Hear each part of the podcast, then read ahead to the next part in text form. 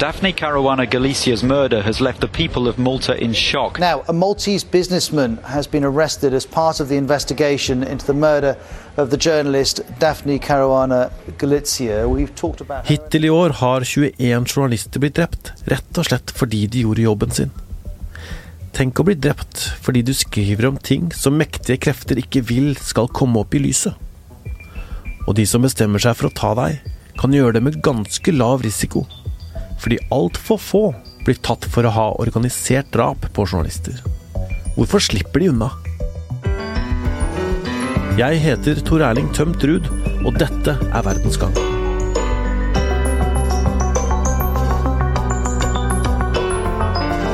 Vanligvis pleide Daphne å parkere bilen sin innenfor de høye gjerdene der hun bodde.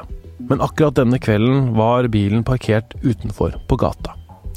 Det gjorde at gjerningsmennene den 16. oktober 2017 klarte å komme seg inn i bilen og feste en bombe under førersetet. Daphne Caruana Galicia var Maltas mest kjente journalist. Hun var en antikorrupsjonsaktivist, og dreiv gravende journalistikk mot korrupsjon hos myndighetene.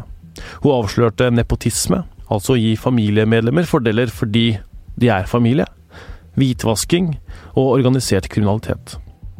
Kjersti Løken Stavrum, leder av Norsk Penn, som da er eh, den norske versjonen av Internasjonale Penn, eh, verdens største ytringsfrihetsorganisasjon. Eh, du har også vært journalist og redaktør i mange år.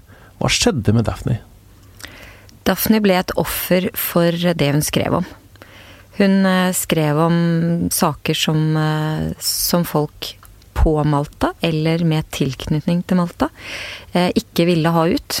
Eh, og, og, de hadde jo over lang tid trakassert henne. Eh, på mange ulike måter. Eh, ofte med trusler om, om bøter og altså økonomiske sanksjoner. Hun ble forsøkt fengslet.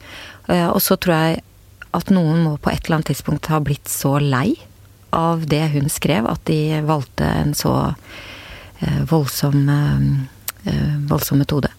På vei fra hjemmet hennes så eksploderer Eh, denne bomben. Eh, bilen eh, eksploderer, hun tar fyr og dør. Det er sønnen hennes, Matthew, kommer veldig tidlig til dette eksplosjonsstedet. Han skrev på Facebook rett etterpå at han fant kroppsdeler fra sin egen mor utover veien. She told me I'm going out to the bank now. She walked out of the house. Then I heard an explosion and I knew it was a car bomb straight away. I saw the logo of Peugeot, and at that moment I thought shit. Eh, hvordan har han engasjert seg? Altså For det første så, så må jo det ha vært en helt vanvittig opplevelse for han. Han er hjemme, og han hører det, og han løper til døra. Og han har jo også sagt at han trodde han bare skulle falle om, eh, selvfølgelig. Så han fikk det jo rett og slett eh, så direkte som man kan få det, og det er jo hans mor. Eller var hans mor. Og så er det sånn at Matthew er jo en undersøkende journalist selv. Eh, så han var jo også eh, blant disse journalistene som jobbet med Panama Papers, f.eks. Mm. Eh, og eh, det gjorde Daphne også. Denne lekkasjen som da avslørte forbindelser og korrupsjon i mange steder i verden? Ja, ikke sant. Så både mor og sønn jobbet med dette. Mm. Eh, og, og, det store prosjektet Panama Papers, da, som, som du helt riktig påpeker, er, angår angår banker og investorer, og også politikere og kjente mennesker rundt omkring i verden. At de, de fikk eksponert eh, sine spekulative investeringer. Det jobbet jo også Daphne med. Men eh, Matthew var i det teamet som da vant den veldig kjente, som jeg tror mange har hørt om, Pulitzer-prisen mm. for, eh, for, de avsløringene. Og hva gjør han nå, da, for å eh, på en måte minne sin mor, eller jobbe videre? Han er jo veldig dypt uh, engasjert i den saken, i likhet med den andre broren. Uh, begge to er, er, jo, er, jo, engasjert i dette. Jeg følger Matthew eh, på Twitter og, og, har en egen kolonne for han. så, så, jeg ser jo at han er veldig på hele tiden, og det er jo fullt forståelig. Både fordi det var hans mor, men også fordi det jo åpenbart er viktige interesser og, og viktige saker her som fortjener et lys. Men, men, så skal det også sies at eh, han har ikke egentlig så mye gått inn i direkte eh, historien om Daphne. Og det, jeg syns det er interessant hvordan han, han, egentlig mer har vært en pådriver for, eh, for en annen gjeng som, som er knytta til et prosjekt som heter eh, Forbidden Stories. Som jeg syns er helt eh, fantastisk. Eh, det er så flott initiativ, og det viser hvor smart man kan være i møte med en sånn trussel, som, som det jo åpenbart er, mot journalister som jobber med, med, vanskelige ting, og som man da så at fikk så fatale konsekvenser med Daphne. Da de, da, der er det, de er, de er uh, basert i Paris. En gjeng med journalister som, hvor det rett og slett De heter Forbidden Stories, og det er altså sånn at deres budskap er ok, du kan ta journalisten, men du stopper ikke historien. Så de jobber sånn at hvis det er en journalist som er blitt drept, Eh, åpenbart fordi de er på sporet av noe som noen ikke vil eh, at skal se dagens lys, så tar de over prosjektet og fortsetter å publisere. Og det gjorde de også med det de da kalte The Daphne Project. Som da på en måte ferdigstilte hennes eh, arbeid. Og det er så bra. Men på en annen side, det er jo ikke noe bra å bli truet og leve under trusler. Eh, føle at, eh, at du, du, kan bli drept for det du jobber med, det du skriver. Eh, kan det føre til at, eh, at man driver en viss selvsensur? At man ikke vil publisere de tingene man finner ut? Det er helt åpenbart. Jeg tror vi skal legge til grunn at det er veldig mye vi ikke får vite, fordi, eh, fordi journalister rundt omkring i verden må gjøre den avveiningen. Er det, er det for farlig? Eh, eller, eh, eller kan vi gå ut med det?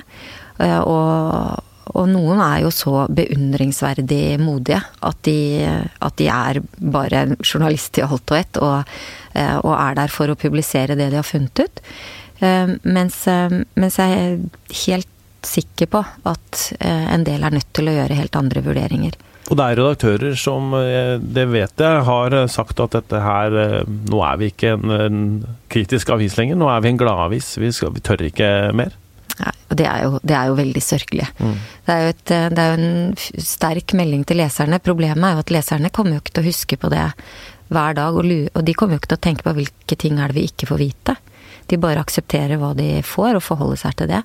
Mens, eh, mens det vi jo vet om en sånn utvikling, er jo at eh, det, det, er jo den største ødeleggende kraften for demokratiet. Det er jo at, at ting som fortjener dagens lys, ikke får det. Og dette henger ofte sammen med korrupsjon? Ja, det gjør det. Fordi at det, det er eh, Samtidig som det er den ødeleggende kraften for demokratiet, så er det jo næringen til korrupsjon. Altså hvis du, ikke, eh, hvis, du, hvis du ikke lenger er redd for at noen kan kikke deg i kortene, så, så vet vi jo av erfaring eh, eh, fra hele verden at da tar makten seg til rette. Eh, og, og, sørger for seg og sine. Og, og det blir jo som en kreftsvulst, selvfølgelig. Tre menn ble arrestert for å stå bak eh, bomben som drepte Daphne.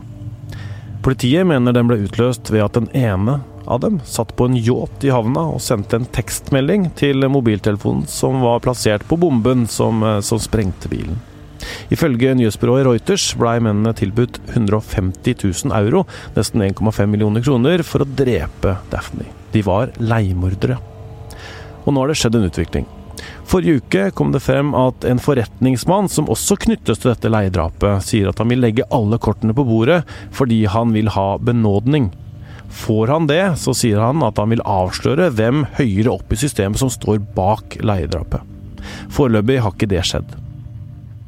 Kjersti, hvem er det som står bak et sånt drap? Det vet vi jo ikke. Men eh, det har jo i dette konkrete tilfellet tatt besnærende lang tid eh, for Malta å finne ut noe som helst. Det er jo Eh, helt klart, helt glassklart, at de ikke ønsker noe som helst Noen stilt til ansvar for dette. Men, men, vi kan i hvert fall legge til grunn at det er noen som har store interesser i de tingene hun skrev om. Og, og, og, at de da var villige til å betale en god slump penger for å få løst det som de må ha opplevd som et kronisk problem. For det er vel det mer, mer generelt også. Det er ikke enkeltpersoner som blir irritert av det eh, en journalist skriver, som går til disse skrittene. Det er mer organisert og kanskje mer systematisk enn som så?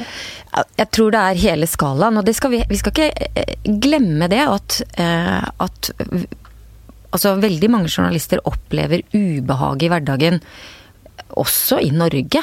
Selv om vi ikke har noen alvorlige hendelser her hjemme, så vet vi jo at det er en, en økende rapportering på trusler, eller det man oppfatter som ubehageligheter og trusler, mot, det, mot en journalist som ja, som åpenbart jobber med ting som noen ikke har lyst til å få ut. Og, og, så det er, en, det er, jo en, akse fra at, at, journalisten blir kjent med at dette, dette vil ikke dette, dette har ikke vi lyst til at skal ut, til det som skjedde på Malta. Men det skal vi også huske på at eh, i så langt i år så, så er det dokumentert 21 drap på journalister rundt om i hele verden. Mm. Eh, og, er, og, når jeg sier dokumentert, så er det dokumentert at de er drept som følge av sitt journalistiske arbeid. Mm. Hva sier det da? Nei, det sier meg at det Det sier meg dessverre at det er eh, for lite risiko forbundet med å, å, ta en journalist. Og FN har jo laget en egen dag som heter uh, Day Against Impunity, altså straffefrihet for å ta journalister. Uh, fordi det er et beklagelig faktum at det er høye tall, syns jeg, uh, at det er. Og det, og det er det jo. For hver journalist så er det én for mye. Men det er aldri nærmest noen som blir stilt til ansvar for det. Hvorfor det, tror du? Fordi av de grunnene du egentlig etterspør, eh, ikke sant, og det vi snakker om nå, at det er, det er eh, mennesker som sitter med makt, som, som gjør dette. Det er mennesker som, hvis interesser står på spill, som, eh, som, som ikke ønsker at det skal komme ut. Og det kan jo være økonomisk og politisk, selvfølgelig. Men, men begge deler er jo en indikasjon på at, at, man, er, at man har muskler. Og så er det som du sier, eh, flere som nå på en måte kjemper imot dette at, eh, at eh, journalister som opplever trusler, blir truet til stillhet. Istedenfor å være stille, så kjemper man altså hardt imot. Hva vet du mer om det? Nei, altså Der er det veldig lett, syns jeg, å bli litt nedslått. Eh, fordi det vi, det vi, vet om journalistisk virksomhet verden over, også i Norge, det tror jeg de fleste har fått med seg, at det er tøffe tak for redaksjonene. De er eh, Hele digitaliseringen har medført et hardt press på redaksjonene, sånn at de, de eh, har måttet kutte ressurser, og, og, det gjelder jo også Det gjelder jo særlig i andre land, og land hvor journalistikken ikke sto sterkt fra før av. Så så det vi vet om det, er at veldig mange redaktører har ikke de økonomiske kreftene f.eks. til å stå opp mot en hær av advokater eh, som, som begynner å, å, lage ubehag mot journalister og redaktører som, som, ønsker å publisere ting som de ikke ønsker eh, at skal, skal ut, da. Og det, det syns jeg er en ting som Der er det noen missing links, tenker jeg, i systemet. Vi vet at vi har rundt omkring i verden mange dyktige advokater som som også ofte gjør eh, arbeid eh, uten å bli betalt for det. Eh, og jeg skulle ønske at de strukturerte seg litt nærmere mot nettopp eh, journalistiske miljøer som kan møte skarpskodde eh, advokater. Og Eh, og hvis, eh, hvis, de hadde visst at de kunne ringe en advokat, mm. eh, så, så ville, eh, ville, den trusselen forsvunnet litt. For det er klart at eh, i det øyeblikket du blir truet med, med mange millioner i søksmål f.eks., så det har man jo ikke råd til. Nei. Og det var jo også tilfellet med Dafne, at det var jo stadige truslene om økonomiske sanksjoner. Men, men, men drapet på Dafne er blitt veldig kjent. Det samme med Kashoggi i, i Tyrkia. Eh, at det blir så kjent. Hvorfor har ikke det på en måte en slags effekt hvor de som dreper, ikke tør? Ja, ikke sant. Og det skulle man jo tro. Mm. Eh, og det er et veldig godt spørsmål, og like mye en observasjon i det spørsmålet, at eh, nettopp, eller på tross av at både Kasoji det, det eksploderte jo i det øyeblikket det nærmest skjedde en verdensnyhet. Mm. Eh, og holdt seg der lenge, og mm. kommer fortsatt opp igjen. Men det har åpenbart ikke virket særlig avskrekkende. Eh, det skjedde i Tyrkia. Eh, dette Daphne var i Malta. Det er jo ikke Norge, det er jo i Europa, men ikke i Norge. Hvorfor skal vi bry oss? Vi skal bry oss om veldig mange årsaker. Alt dette dette er jo også rammebetingelser for den frie pressen her hjemme. Eh, hva som skjer med journalister i andre land. Langt på vei så, så, så er vi jo avhengig av hverandres arbeid. Det er jo f.eks. arbeidet med Panama Papers et eksempel på. Det var et felles dugnadsarbeid. Det kom også norske lesere til gode, fordi, eh, fordi andre hadde gjort researchen f.eks. om Island, ikke sant. Det gjorde jo ikke norske journalister, men det er jo viktig for oss å vite. Eh, og så ser du jo også at eh, økonomiske transaksjoner er jo, så, er jo, på kryss og tvers over hele verden. Den, den boken som kom på norsk nå som heter 'Pengeland', f.eks., mm. eh, illustrerer jo veldig, veldig godt det hvordan Ukraina, hvordan uvesenet i Ukraina har tentakler utover i Europa. Og vi ser det nå i, i saken som Økokrim nå etterforsker, det er viktig å understreke. De etterforsker DNB for økonomiske transaksjoner som starter på Island via, via DNB og ender i Namibia, ikke sant. Så det er mm. klart vi skal bry oss. Vi er et land i verden. Og denne uken f.eks. Så, eh, så markerer en organisasjon som heter Transparency International Norge, som, eh, som jobber, for, jobber, for, åpenhet og mot korrupsjon. De markerer sitt 20-årsjubileum eh, nå denne uka her, med en konferanse. Og, og, det, og den vil nettopp ta opp både eh, hendelser i Norge, men, men, ikke minst hvordan Norge er forbundet med Eh, med resten av verden, også når det kommer til korrupsjon. Ja, for det er korrupsjon altså den største faren for journalister i verden? Det vet jeg ikke om jeg syns er helt presist eh, sagt. Eh, det er en del av det. Den største trusselen for den frie journalistikken er når den møter makt som blir utfordret, og makt som ikke ønsker at det skal komme Eh, lys på dem. Eh, og da kan de altså slå massivt tilbake, og voldsomt, og det gjorde de jo dessverre på Malta. Takk for at du var med i Verdens Gang, Kjersti Løken Stavrum. For ordens skyld så skal vi også si at du er eh, daglig leder i Tinius-stiftelsen, som eier en stor del av Skipsted, som igjen eier VG. Verdens Gang lages av Emilie Hall Torp, Kristine Hellesland, Roy Furuhaug og meg, Tor Erling Tømtun. Magne Antonsen er teknisk produsent.